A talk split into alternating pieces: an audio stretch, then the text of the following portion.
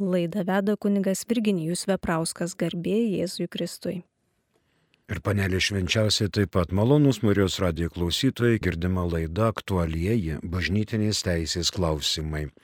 Toliau aiškinamės apie skirelį, kurį pabaigsime šiuo kanonu, apie šventovės, po to eisime prie altorių minties ir prie kapinių. Iš eilės 1234 kanonas.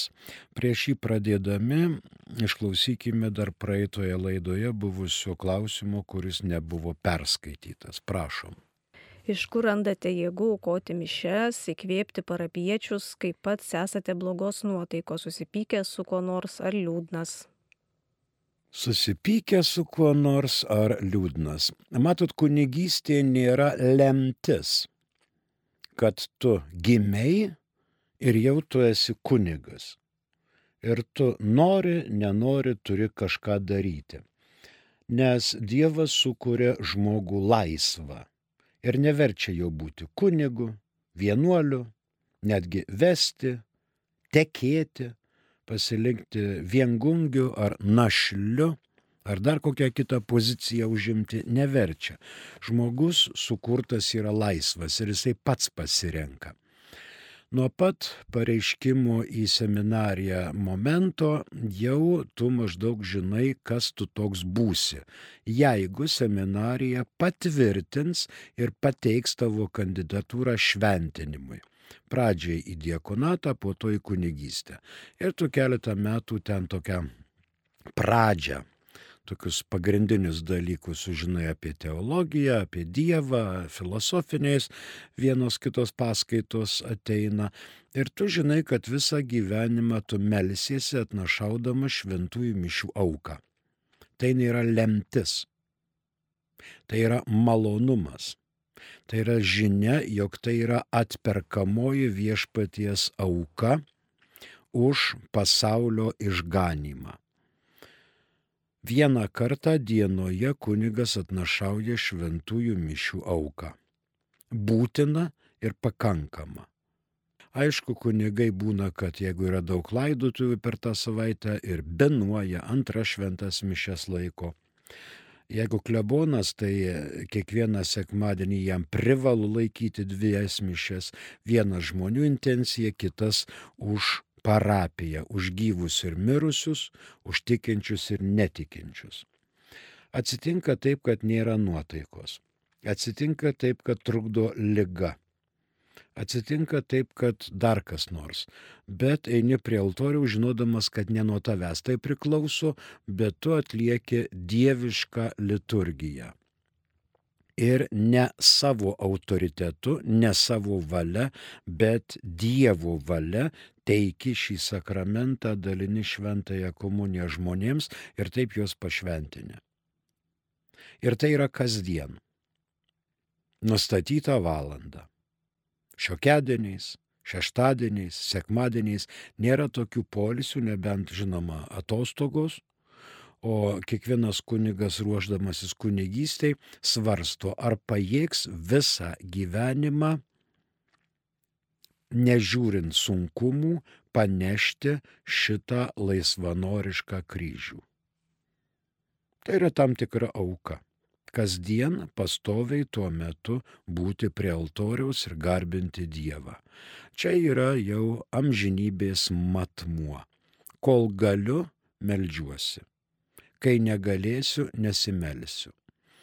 Prisimenat, kad ir kalėjimuose kunigai rasdavo būdą aukoti šventų mišių auką, kur nebūdavo pauksuotų altorių, kur nebūdavo liturginių indų, kur kielika atstodavo aliuminis puodelis ir lašas vynuogių vyno iš razinkų išspaustas, kur būdavo ir nerauginta duona padaryta su, su, taip sakant, su grūdais, su pelais ir vis tiek atnašaujama buvo šventųjų mišių auka.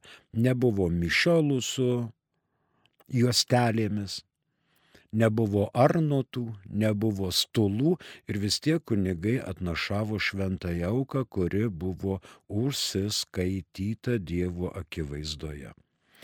Jeigu nėra liturginės aukos, eucharistinės aukos, tai iš vis pasaulyje nieko nėra kaip šventas apaštalas Paulius cituoja Senąjį testamentą, prakeiktas kiekvienas, kas kybo ant kryžiaus. Jėzus patyrė skandalingą mirtį ir mirė už mus ant kryžiaus ir paliko Eucharistinę auką kaip atperkamąją auką, kaip pasaulio išganomąją auką. Ir kunigai tiek katalikų, tiek pravoslavų bažnyčios kasdien atnašauja šventųjų mišių auką, pašventindami Dievo tautą. Netgi jeigu šiokedniais Dievo tauta gausiai nesirenka, vis tiek kunigas meldžiasi, nes tai yra vieša bažnyčios malda. Na tai toks būtų atsakymas. Mes dar turim kokį klausimą. Ar bažnyčia pritardama LGBT ir visokioms kitoms ideologijoms nepaduoda ranko šetonui, klausė Virgilijus. O kur jūs matėt, kad bažnyčia pritarė LGBT? Kur jūs tą išskaitėte? Bažnyčia nepritarė LGBT. Gali būti, kad atskiri kunigai netgi atskiri vykskupai palaiko šį judėjimą, bet kad bažnyčia pritartų LGBT, tai nesu girdėjęs. Bažnyčia eina su jais į dialogą, nes matot, bažnyčia žino, kad Dievas sukūrė vyrą ir moterį. Vyrą ir moterį. Dievas nesukūrė LGBT. Dievas sukūrė vyrą ir moterį. Ir pasakė Dievas, kad vyras paliks tėvą ir motiną ir glausis prie savo žmonos. Ir du taps vienu kūnu.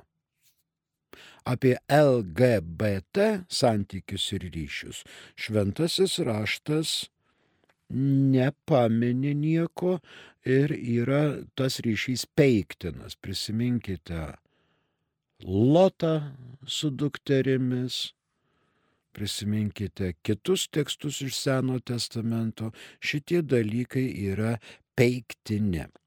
Bažnyčia tų žmonių tikrai nesmerkia. Nesmerkia. E, bažnyčia smerkia jų palaikomą ryšį. Nes Dievas sukūrė žmogų ir pamatė, kad tai yra labai gera. Bet ne LGBT sąryšius. Ačiū iš klausimus. Dabar 1234. Jis turi du paragrafus. Šventovėse tikintiesiems kuo gausiau turi būti teikiamos išganimo priemonės. Uoliai, skelbiant Dievo žodį, tinkamai skatinant liturginį gyvenimą, ypač celebruojant Eucharistiją ir atgailos sakramentą. Ir puoselėjant patvirtintas liaudiškojo pamaldumo formas. Votyviniai antras, votyviniai liaudės meno ir pamaldumo liudijimai turi būti laikomi matomoje vietoje, šventovėse ar netoli jų ir uoliai saugomi. Pirma mintis prie 1234.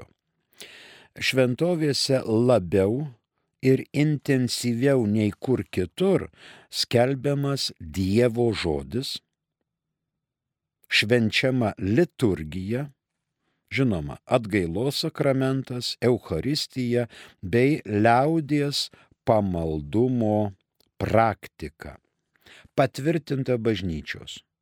Ne šiaip kas nors ką nors susifantazavo, susigalvojo ir pradeda ten nenuženk nuo akmens o Marija, bet tai turi būti giesmės patvirtintos bažnyčios, tai turi būti liaudiško pamaldumo formos.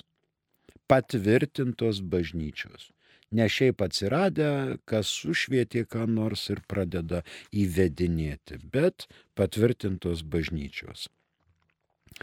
Antra mintis - šventovėje ar šalia jos, kažkur šventoriuje, atskiruose koplyčiuose, turi būti eksponuojami votai, galbūt eksponuojami dokumentai, matomosi, matomi ženklai, ten kaip šilovoje kažkokios skrynios, Ir šitie akcentai turi būti apsaugoti, gerai apsaugoti nuo vagysčių ar galimo gaisro, kad bažnyčios šventovės rektorius turėtų pareigą tuos dalykus labai saugoti. Dabar gal ir tokio įsakymo ne, nėra, bet ne vien tik tai rektorius, bet visi ten tarnaujantys žmonės turėtų žiūrėti, kad būtų apsaugoti dalykai. Klebonas arba rektorius kasdien nelakstys ten po tos šimtus kvadratinių metrų žiūrės, kas nors nesudužo ar pa. Valytoja, zakristijonas, vikarai, gali pamatyti, kad kažkas jau kėsinosi laužt kokias dėžutes ir iškart rektoriui referuoja, kad jau mes šiandien vakare matome, kad ten buvo įsilaužimų žymės, darykim kažkokią apsaugą. Turėtų būti ir filmavimo kameros, mm, pranešta iš anksto, kas ten kur ką krapštė, daužė, purškė ar dar kažką darė. Tai šventovės taip pat yra e, Dievui skirtos šventovės. Apie Marijai skirtas šventovės taip pat yra atskiri dokumentai. Mes ko gero turime Lietuvoje žymiai didesnį skaičių Marijos šventovių. Tai ne vien tik tai aušos vartai, pivašiūnai, šiluva, ir kitos šventovės, bet tai daugiau Marijos charakterio šventovės. Mums gali ateiti net į pagalbą 1292 antras paragrafas. Jei kalbame apie daiktus, kurių vertė viršyje nustatyta didžiausią sumą arba apie įžadinius dovanojimus bažnyčiai arba meninės ar istorinės vertės, vertybės, galiojančiam perleidimui dar reikalaujama šventojo sostų leidimo. Tai reiškia, rektorius negali priimti sprendimų, kad čia, ai, padarykim čia kokią aušos vartų paveikslą, čia ant lentų tapytas, gal padėkim kokį Jėzaus širdies paveikslą, o šitą parduokim, nes kažkas pasiūlė didelę sumą. Tikrai ne. Tokios šventovės jau turi turėti savo statutus, kur apibrėžiama, kas ką gali daryti, kas ko negali daryti. 1234 atitikmens rytų kanonuose nėra fiksuojama. Pirmas paragrafas. Šventovėse tikintiesiems kuo gausiau turi būti teikiamos išganimo priemonės, uoliai skelbiant Dievo žodį, tinkamai skatinant liturginį gyvenimą, ypač celebruojant Eucharistiją ir atgailos sakramentą. Ir puoselėjant patvirtintas liaudiškojo pamaldumo formas. Antrasis - votyviniai liaudies, meno ir pamaldumo liudijimai turi būti laikomi matomoje vietoje, šventovėse ar netoli jų ir uoliai saugojami. Pavyzdžiui, pagyjo kojos, atnešė ramentus ir pakabino. Ačiū Marijai, kuri išgydė mane iš šios negalės. Tai va ramentai su aprašymu ir viskas ten tvarkoja. Dabar kitas skirelės altoriai, bet prieš tai išklausykime žinučių. Prašom. Garbėzui Kristui, jeigu miesto bažnyčiose yra užimtos vargonininkų vietos, ar galima pasisiūlyti, kad galiu kai kuriuose mišiuose vargonuoti su savo choristais, kaip kitaip panaudoti savo galimybės. Na, miestuose. Miestuose, žinoma, yra bažnyčios, o tose bažnyčiose yra rektoriai arba klebonai. Reikėtų tartis su rektoriais arba klebonais. Pavyzdžiui, e, vargonininkas arba vargonininkė gali ateiti vargonuoti sekmadieniais tik tai ryto pamaldose, o vakare ne. Galima sakyti, mes galim su savo gėdotojais paimti vakaro mišes ir tą liturgiją puošti. Ir tarėties su klebonu.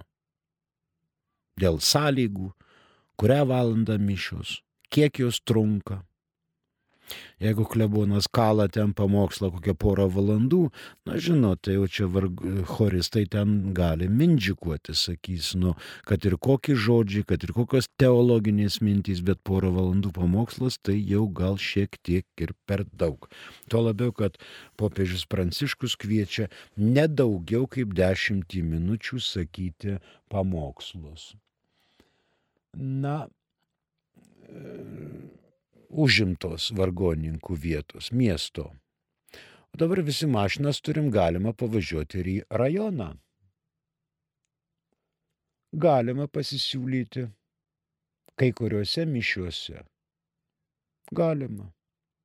Arba kaip kitaip. Bet matot, yra vargonininkai, kurie turi tam tikrą kompetenciją, bet yra vargonininkai, kurie moka groti tik tai šuniukų valsą tai jiems dar reikia pasistengti kažkokį parodyti konservatorijos diplomą arba vargonininkų baigimo kursus ar dar ką nors, na tai tada jau tada jau kažkaip rimčiau skamba, bet jeigu pasakysi, kad ai aš čia darželėje su vaikučiais du gaidelius moku groti ir noriu pavargonuoti, tai yra visai kitas klausimas, nes liturgijoje turi būti rimtai, rimtas požiūris į liturgiją.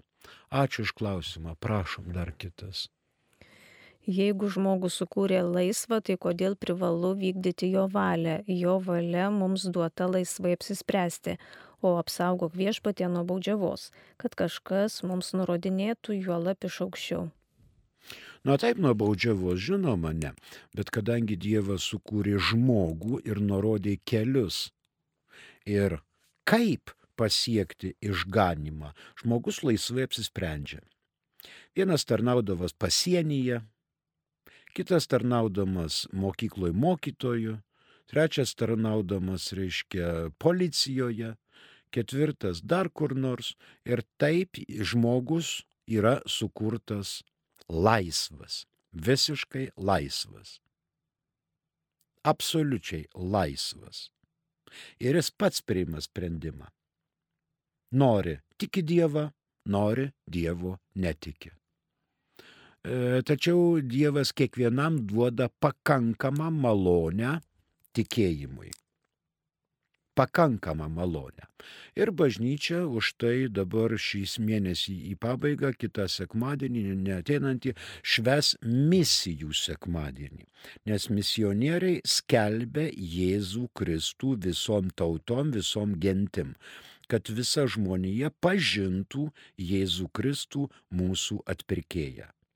O formą pasirenka pats žmogus. Apie jokią vergyją mes čia nekalbame. Ačiū Jums už klausimą. Toliau mes turim dar ką nors. Neturim nieko. O čia kas buvo atėję? Aišku. Gerai, eikime prie skyrelio, kuris vadinasi altoriai. 1917 m. kanonų teisės kodekse daugiau buvo e,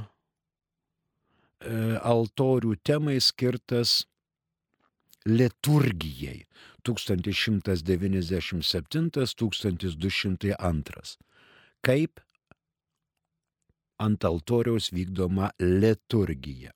83 metais redakcijoje yra skirti penki kanonai altoriaus. Altorius yra vienas svarbiausių ženklų. Jau nuo senovės laikų tai viešpaties stalas. Dievo stalas. Kristaus ženklas. Bažnyčios ženklas. Aukos stalas. Dėkojimo centras. Kankinių pagerbimo vieta ir taip toliau tai šventa vieta ir ypatingos pagarbos ženklas. Altorius bažnyčioje. 1235 kanonas, du paragrafai. Altorius yra stalas, ant kurio celebruojama eucharistinė auka vadinamas nekilnojamuoju, jei pastatytas taip, kad yra sujungtas su grindimis ir todėl negali būti nukeltas. O kilnojamuoju, jei gali būti perkeltas. Antrasis paragrafas - dera, kad kiekvienoje bažnyčioje būtų nekilnojamasis altorius o kitose šventosioms apieigoms skirtose vietose nekilnojamasis ar kilnojamasis ar altorius. Pirma mintis - tai visuomet yra stalas eucharistiniai aukai. Tai paties Kristaus ženklas. Altorius stovi bažnyčios centre po 1977 metų bažnyčioje turi būti tik vienas altorius. Po 1977 metų išleistas dokumentas, kur bažnyčiose turi būti tik vienas altorius. Bet tai nereiškia, kad viduramžiuose atsiradusiuose bažnyčiose, kur yra ten 10-15 altorių, kad imam pneumatinį plaktuką ir greunam visus altorius. Pavyzdžiui, Kauno katedra. Ne. Bet naujai statomuose turi būti projektuotas tik vienas altorius. Galimas ir antrasis altorius atskiroje koplyčioje pavyzdžiui, šiokedieniais atnašaujant šventų mišių auką. Didžiulė katedra šiokedieniais nesusirenka daug žmonių, todėl daroma atskiroje koplyčioje, kur yra altorius, ten susirenka žmonės, ten nedaug kokie 20-30 ir atnašaujama šventųjų mišių auka. Ten galimas ir kitas altorius, naujai pastatytoje bažnyčioje. Senųjų altorių niekas negreuna. Virš altoriaus arba ant altoriaus nestatomos nei statulos, nei paveikslai. Negalima to daryti. Pas mus Lietuvoje dar yra senoji liturgija, kai Velykinių laikotarpių statoma statulėlė Kristaus prisikėlusio iš mirties nugalėjusi mirtį su pergalės vėliava statulėlė, na ir žinoma Velykinė žvakė bei kryžius su perjuosta raudona stula. Kartais statulėlė statoma ant altoriaus šono. Bet čia yra tik Velykinės liturgijos metu ir po tam. Iki šeštinių. Dabar altorius turi būti atitrauktas nuo sienų. Nepriglaustas nei prie šoninės, nei prie galinės sienos, o vien tik tai centre, bažnyčios centre, lengvai apeinamas. Kad galėtų celebrantas būti veidu į žmonės. Altorius yra visų tikinčiųjų dėmesio centras. Antra mintis. Dera, kad bažnyčioje būtų arba nekilnojamas, arba kilnojamas altoriai. Mes turime turbūt atėjusių keletą žinučių, pasižiūrėkime, kas čia tokio yra. Regina iš Kretingos rašo garbėzui Kristui ar filmuojant ir fotografuojant per pakilėjimą šventąją komuniją nepažeidžiama sakrali erdvė. Matot, mišių filmuoti, fotografuoti iš vis neleistina, nes tai nėra kunigo darbas. Tai yra kūrybinis procesas. Ne vien tik tai pamokslas, bet ir įžanga ir kreipiniai prieš tėvę mūsų ir taip toliau, ir skelbimai ir taip toliau. Norint filmuoti, reikia tikrai atsiklausti klebono rektoriaus arba vikaro, kuris atnašauja šventųjų mišio auką, arba altaristos ar rezidento, nes čia pradės kiekvienas filmuoti, arba kunigas nenusiskutęs barzdos ar susivėlęs ir čia paskiau prasideda. Tai yra brangieji kūrybinis procesas. Šventųjų mišių auka nėra stacionaras, bet e, kaip Kristus pasakė, aš visą darau naują. Todėl kiekviena šventųjų mišių auka yra individuali ir nauja. Kunigas kartais mišių metu gauna įkvėpimus, kuriais privalo pasidalinti su tikinčiaisiais. Ta pati, pavyzdžiui, skaitinė ir evangelija. Galima išdaryti lapelius bažnyčiai kiekvienam ir pasiskaitykite. Bet ne, tai yra stebėjimo dimensija, regėjimo dimensija ir klausymosi dimensija. Kunigas skelbia Evangeliją. Kartais deda loginius skirčius tai vienur, tai kitur. Ir tokių dalykų filmuoti, tai, tai aš irgi sutikčiau, kad kretingiškiai, kad filmuojant ar fotografuojant per pakilėjimą šventą komuniją nepažeidžiama sakrali erdvė. Dabar matot, mes einam komunijos Ir ten yra visokių burnyčių. Ne vien tik tai pirmos komunijos nekaltos sielos įsižioja ir sako amen, bet ir visą gyvenimą tikintieji. E, kunigas sako Kristaus kūnas, amen, ten įsižioja, gali būti, kad kokio dantuko trūksta arba klanktelna ten kokie nors protezai, o čia filmuoja ir paskui gali šaipytis ir tyčiotis. Va, žiūrėkit, kaip čia žmonės eina su jungtumėm, pavyzdžiui, jungtuvėse reikia vėl irgi žiūrėti, matyti, kad būtų su visais sutarta. Jaunavedžiai nori matyti daug. Kartais kunigas sako, taip, prašau filmuokitės kiek patinka, bet manęs šitam filmavime nebūna. Rankos mano gali būti, kaip ten žiedų šventinu, ten priesaika ir panašiai. Bet aš nenoriu, kad čia būčiau tame, tame reikale filmuojamas. Toks pareikalavimas. Ir jaunavedžiai su fotografais ir filmuotojais turi atsižvelgti. Turi atsižvelgti. Prašom, sekantis.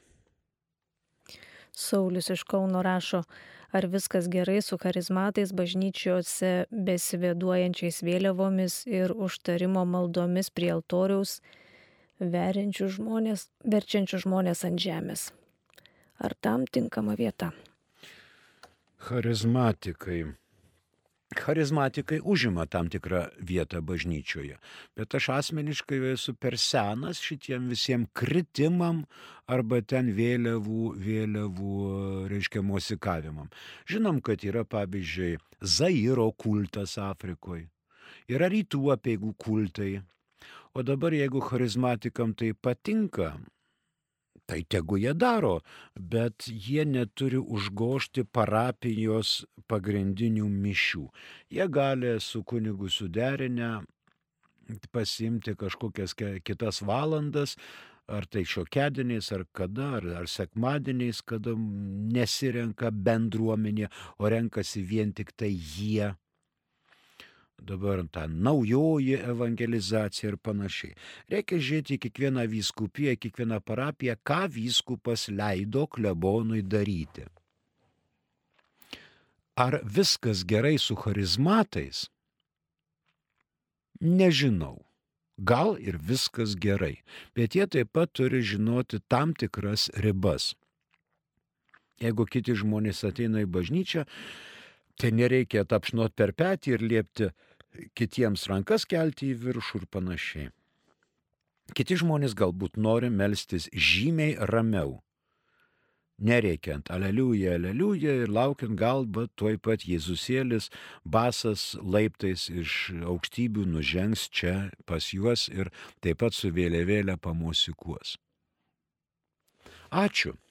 Kitas klausimas, prašom. Noriu paklausti, kokius poterius reikia kalbėti popiežiaus intenciją. Poteriai yra neįsakyti, poteriai yra neįsakyti kalbėti popiežiaus intenciją popiežius yra prašęs už jį pasimelsti. Tai vienas dalykas. Bet dabar kitas dalykas. Jeigu žmogus nori laimėti atlaidus, tai atlaidų sąlygoms išpildyti reikalinga ten padaryti tam tikrą darbą aplankyti bažnyčią arba kapines ir pasimelsti popiežiaus intenciją. Paprastai melžiamas vienas, bent vienas poterėlis. Tėve mūsų, sveika Marija, garbė Dievui tėvui ir tikiu į Dievą tėvą. Tai yra vienas poteris.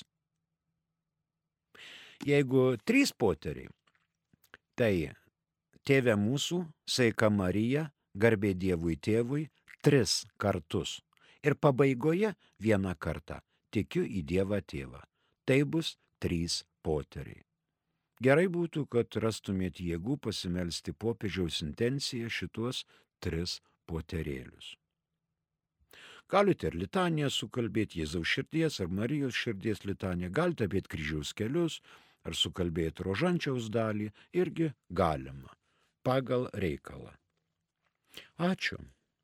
Na, kas dar pas mus? Jeigu vienu metu mišes laiko keli kunigai, keliose mišiuose dalyvaujame vienuose ar keletoje. Vienuose. Gali laikyti mišes du kunigai, gali laikyti mišes dvidešimt kunigų, bet tai yra vienos šventosios mišios. Vienos ir tik vienos, kurios yra sudabartinamos tik nekruvinu būdu. Ačiū.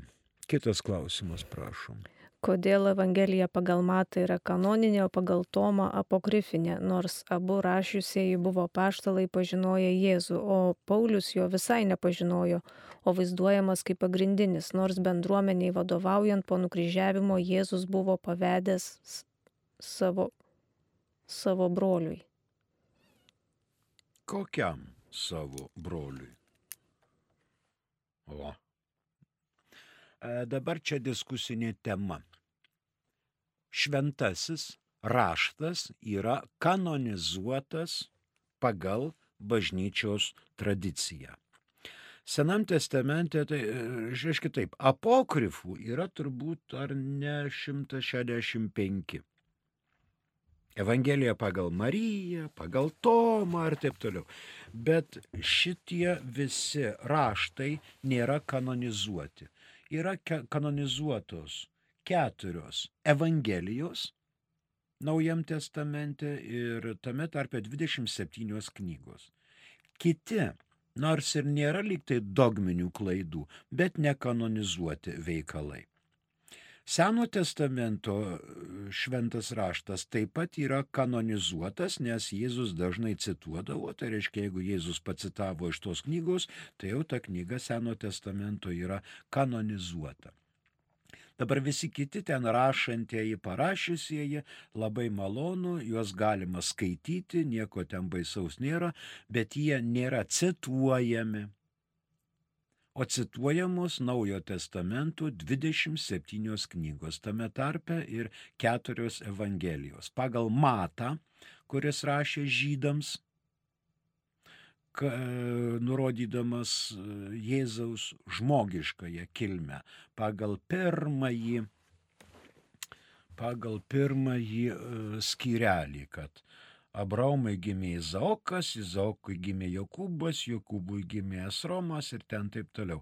E, nurodydamas, kad Juozapas yra Davido palikonis, o jisai formaliai buvo vedęs Mariją ir tuo, pris, tuo pačiu prisijėmė Jėzaus tėvystę. Juridiškai prisėmė Jėzaus tėvystę. Tai va Matas rašė žydų bendruomeniai, kad tikrai Jėzus yra Dovydo palikonis. Marija šiuo atveju nevaidina jokios reikšmės, jinai buvo ištekėjusi. Tai yra susižadėjusi su Juozapu. Susižadėjusi.